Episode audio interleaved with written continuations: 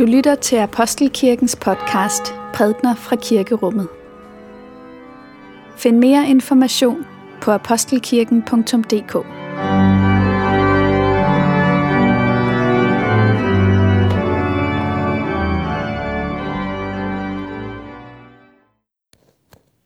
God aften og velkommen til Aske onsdags gudstjeneste. Det er i aften, at fastetiden begynder. Og det vil vi her i, ved denne gudstjeneste øh, fejre ved at øh, få mulighed for at få tegnet korsets tegn med aske i vores pande, mens jeg siger, jord er du kommet, til jord skal du blive, omvendt dig og tro. Samtidig er den her gudstjeneste den første i en serie af gudstjenester med forkyndelsestemaet at leve vågent. I den anledning er der også udstillet nogle øh, skriftord på øh, øh, glas, som I kan se i ved søjlerne i kirken her. Det er Inger Dahl, som skal prædike for os. Jeg vil læse fra Johannes åbenbaringens kapitel 2. Men lad os takke for Guds ord. For Guds ord i skriften, for Guds ord i blandt os, for Guds ord inden i os, takker vi dig Gud. Skriv til englen for menigheden i Efesos. Dette siger han, som holder de syv stjerner i sin højre hånd. Han, som vandrer mellem de syv guldlysestager. Jeg kender dine gerninger og din møje og udholdenhed, og ved, at du ikke kan døje de onde, og du har prøvet, det, prøvede dem, prøvede dem, der påstår at være apostle. Men ikke er det, og har fundet, at de lyver. Du har udholdenhed og har døjet meget på grund af mit navn, og er ikke blevet træt. Men jeg har det imod dig, at du har svigtet din første kærlighed. Husk derfor på, hvorfra du er faldet, og omvend dig og gør de gerninger, du først gjorde. Ellers kommer jeg over dig og flytter din lysestage fra dens plads, hvis ikke du omvender dig. Men det fortrin har du, at du hader Nikolaiternes gerninger, som jeg også hader. Den, der har ører, skal høre, hvad ånden siger til menighederne. Den, der sejrer, vil jeg give at spise af livets træ, som står i Guds paradis. Amen. Lad os bede. Min Jesus, lad mit hjerte få en sådan smag på dig, at nat og dag du være må min sjæl umistelig. Amen.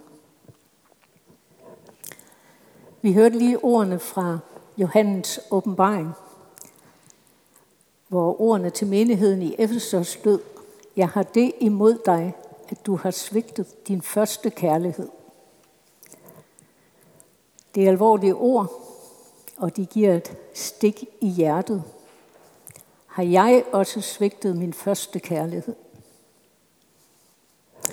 Hvordan var min første kærlighed? Når det går op for os, at Gud ikke bare er en ideologi, som jeg engang troede, eller et princip, eller et begreb, men er en levende kærlighed. At opdage, at Gud er til, og jeg er hans elskede. Den første kærlighed. Jeg husker min helhjertethed. Min nidkærhed. Alle skulle høre, at jeg havde fundet den kostbare skat. Øhm, jeg havde let efter den i overvis, og øh, jeg ville så gerne, at alle også skulle fordele i det. Selv til min fars 40-års jubilæum tænkte jeg, at der var en anledning til at fortælle om Jesus. Og øh, jeg havde været på et friluftsmøde, hvor jeg havde lært sådan en lille trick med tre snore, som øh, tricket det var så, at dem kom Jesus og gjorde lige lange. De vi alle sammen elskede. Min familie var ikke så begejstret, men altså, det var virkelig en god intention. Det var, fordi den der kærlighed, jeg havde fundet, den skal alle høre om. Ja, det er jo sådan, familien er ikke det nemmeste sted at evangelisere, at der er sikkert også nogle af jer, der har erfaret. Men hvordan er det så med den første kærlighed nu, mere end 40 år efter? Har jeg svigtet min første kærlighed? Er der noget andet, der har taget førstepladsen? Vi ved godt, at hvad det er, der kan føre os væk fra at være helhjertet. Kærlighed til penge eller til magt og indflydelse. Et bekvemmeligt liv. Kærlighed til et menneske. Der er så mange former for kærlighed, der kan skubbe Gud på anden pladsen. Jeg kan være utro på mange måder.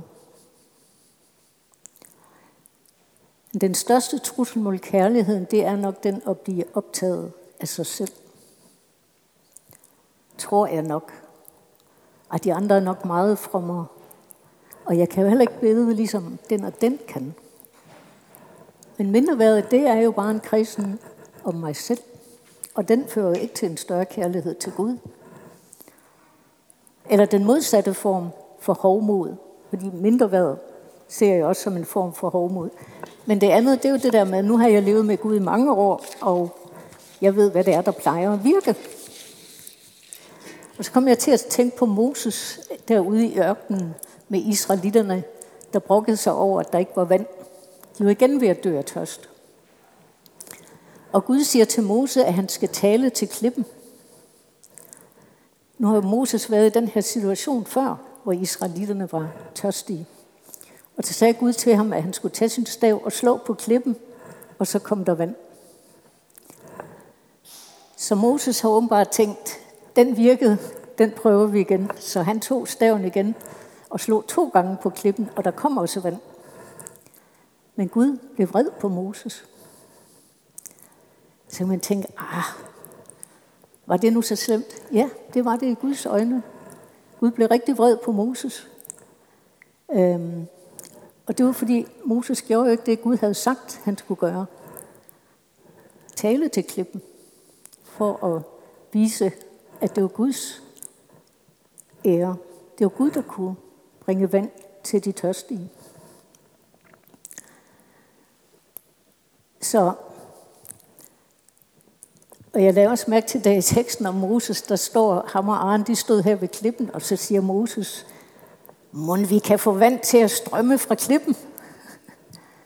Må vi kan få vand, det er ikke må Gud få vand, må, må vi kan få vand til at komme fra klippen. Ja, det kunne han godt.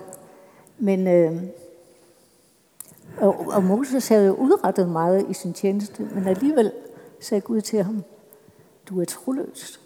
Du har ikke æret mig. Eller med ordene fra dagens tekst, jeg er det imod dig, du har svigtet din første kærlighed. I øh, teksten her, inden det her med den svigtede kærlighed kommer, der, der lyder rosen jo, du har udholdenhed og har døjet meget og er ikke blevet træt. Men det rækker altså ikke i Guds rige at have udholdenhed og døje meget og ikke blive træt. Jeg hørte ligesom et ekko fra Korintherbrevets 13. kapitel om kærlighed.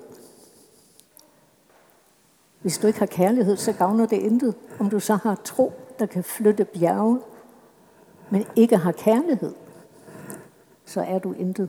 Hvis du ikke har kærlighed. Vi kunne udrette alt muligt. Moses kunne få vand af klippen, men han viste ikke kærlighed. Så hvis vi ikke har kærlighed, så er vi intet. Så er vi ligesom støv og aske. Ligesom asken, som vi om lidt kan få på, panden eller på hånden. Asken, det er jo ilden, der er slukket. Eller kærligheden, der er blevet kold.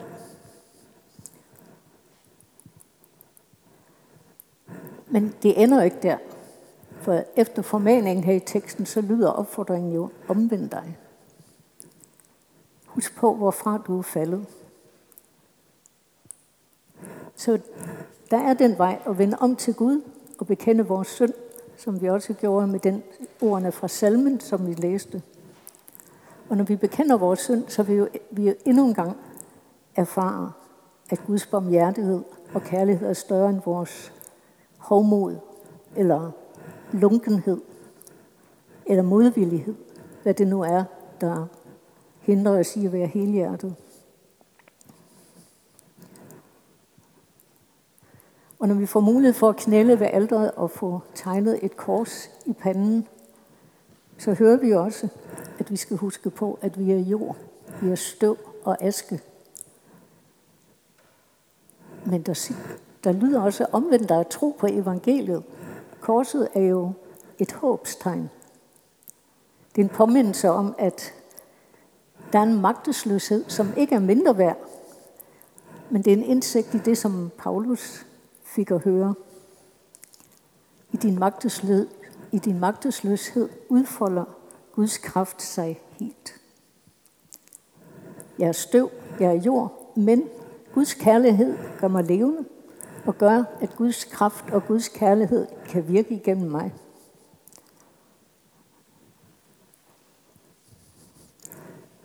Og der er jo et kors i det her askekors, og korset er jo et håbstegn. Her gennem fastens 40 dage, så vandrer vi mod Jerusalem, mod Golgata. Men det stopper jo heller ikke der. Opstandelsen gælder også korset. Korset bliver til livets træ, som vi kan hente næring hos. Som Niels sagde, så starter fasten i dag. De seks søndage tæller ikke med. Det er derfor, tallene går op. Så fasten varer 40 dage og slutter påskemorgen. Der er mange måder, man kan faste på ved at give afkald på noget, der kommer til at fylde for meget. For mange af os, der kan mobilen godt være en tidsrøver. Når vi lige skal tjekke et eller andet, så øh, kan vi meget let blive optaget af, øh, at der lige var en besked også, eller en mail, eller noget andet interessant på Facebook. Og inden vi får set os om, så er vi væk. Så er vi blevet distraheret og væk fra det, vi egentlig var i gang med. Det er den her distraktion og adspredelse, der er en trussel mod kærligheden. Fordi den stjæler opmærksomheden. Opmærksomheden også på Gud.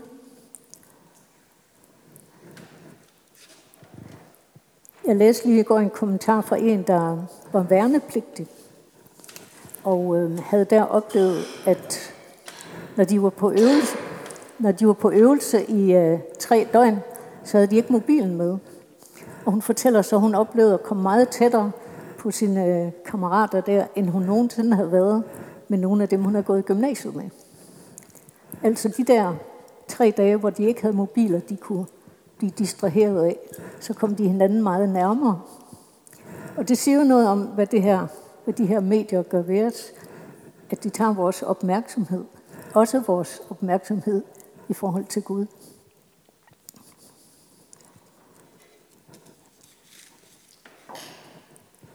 Så det er jo en mulighed at vælge som afkald. Men øh, der er også andet. Vi vil jo være især, hvor vi kan have brug for at give afkald.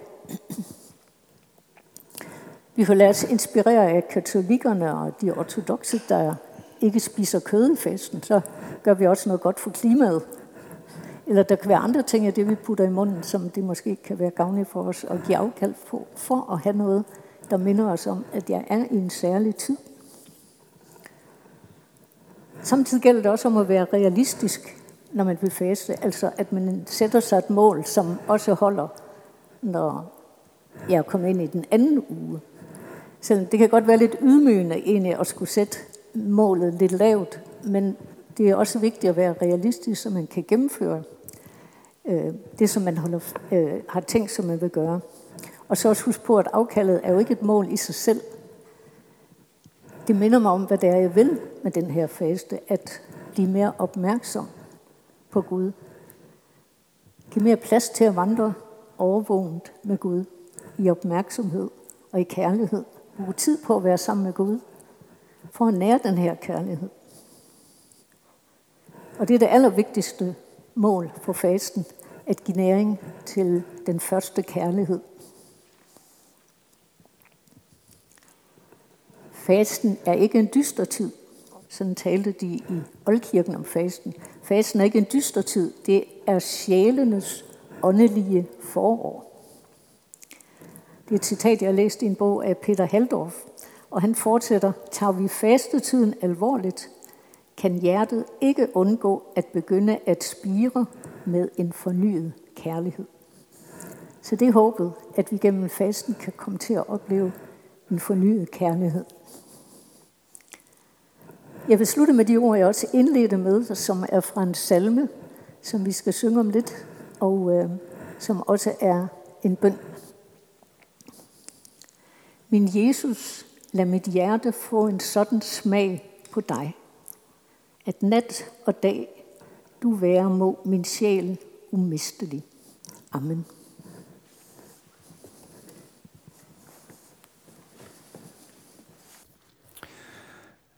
Aske er jo, som Inger sagde, det der er tilbage, når der ikke er mere, der kan brænde. Når alt det organiske er forsvundet, så er der kun aske tilbage.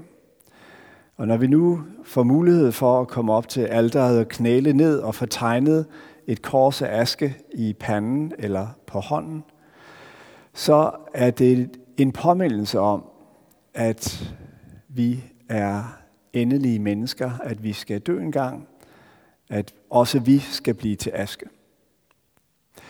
Det foregår på den måde, at man altså kommer herop og knæler ved alderet, og enten holder sin højre hånd frem som tegn på, at man ønsker at blive korstegnet øh, her, eller løfter op i pandehåret som tegn på, at man ønsker at blive korstegnet i panden. Man kan også, hvis man har pandehår, ellers kan man bare gøre et tegn. Man kan også øh, øh, ikke gøre nogen af delene, og så vil man modtage en velsignelse. Men til dem, som altså ønsker at blive korstegnet med aske, så siger jeg, at jord er du kommen, til jord skal du blive, omvend dig og tro.